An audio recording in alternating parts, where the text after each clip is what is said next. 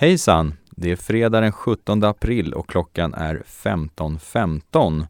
Dagens marknadskommentar presenteras av mig, Carl Hedberg, från vårt aktiemäkleri på Carnegie Private Banking.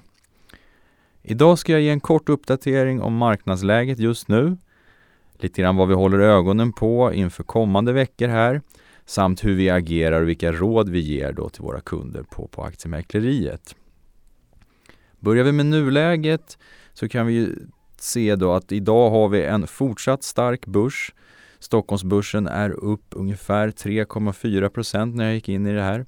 Och eh, amerikanska terminer indikerar en uppgång på ungefär 2,5% just nu inför deras öppning. Vi ser även att det här volatilitetsindexet VIX fortsätter att falla lite grann. Vi är nere på nivåer en bit under 40 just nu här.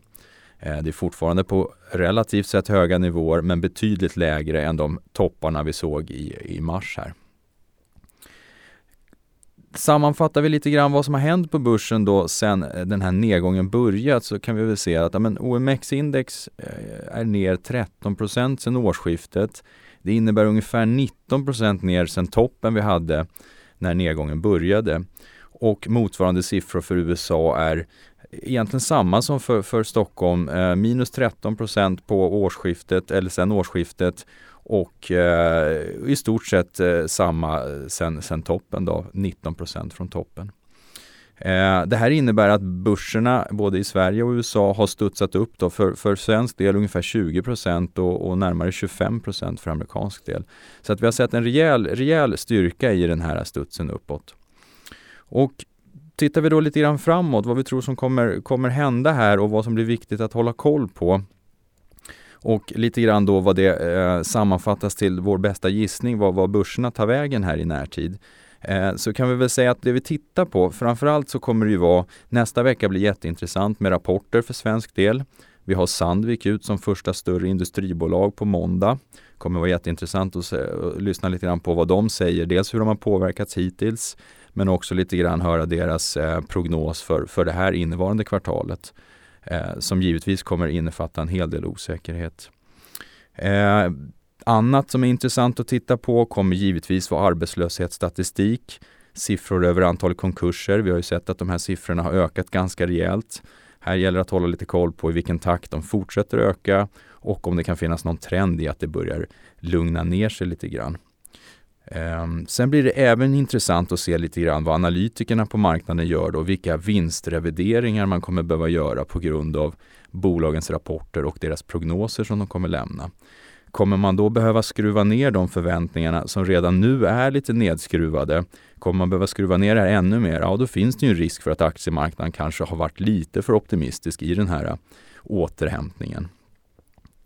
Eh, sen blir det givetvis lite intressant att se här vad som händer eh, några veckor framåt i tiden här eller kanske till och med någon månad framåt i tiden när vi börjar se effekter av de här små, små lättnaderna som nu indikeras, att man börjar släppa upp samhällena lite grann här, att man lättar lite grann på restriktionerna och folk kan gå tillbaks lite närmare eh, normalt vardagsliv. Kommer det då ge effekt på ökade antal eh, smittade och antalet dödsfall? Ja, det är klart, det kommer givetvis vara någonting som börserna kommer bli rätt så försiktiga kring och, och, och kan då indikera nya åtstramningar eller begränsningar.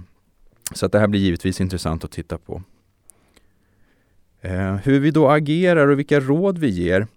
Ja, vi får väl se lite grann. Vi kan väl konstatera att den här trenden på börsen har ju varit väldigt stark nu. Det är nästan en månad sedan, sedan vi eh, träffade botten och började eh, inledde den här rekylen uppåt. Så att den styrkan kan vi väl ändå ta med oss lite grann och, och få oss att tro att, att den här kommande tiden ändå kommer mötas av en liten dragkamp mellan köpare och säljare så att det inte bara är ett, eh, ett stort tryck på säljsidan. Eh, så att vi, vi, vår bästa gissning framåt är helt enkelt att vi ser eh, sannolikt någon form av rekyl. Får se lite grann om det är bolagsrapporterna i nästa vecka som kan bli då den utlösande faktorn för en lite försiktigare börs på nytt. Vi råder våra kunder att eh, eh, minska ner lite grann på aktievikten om man har ökat på den under senaste veckorna. Här. Då tror vi att det kan finnas en viss poäng i att öka på kassan igen, ta hem lite korta vinster. För de kunderna som är ganska bekväma med sin aktievikt och är lite mera långsiktiga, ja men där är det snarare som så att vi säljer av lite grann av de innehaven i de mest konjunkturkänsliga aktierna, de som verkligen har studsat upp här nu på slutet och istället viktar över lite grann på sådana typer av bolag som är mer konjunkturokänsliga och kanske mindre påverkade av i vilken takt den här eh, återstarten av ekonomin och samhället går. Och typer av, av, bolag där kan vi väl faktiskt lyfta fram ett exempel som, som vi tidigare i veckan eh, lyfte fram här i veckans viktigaste.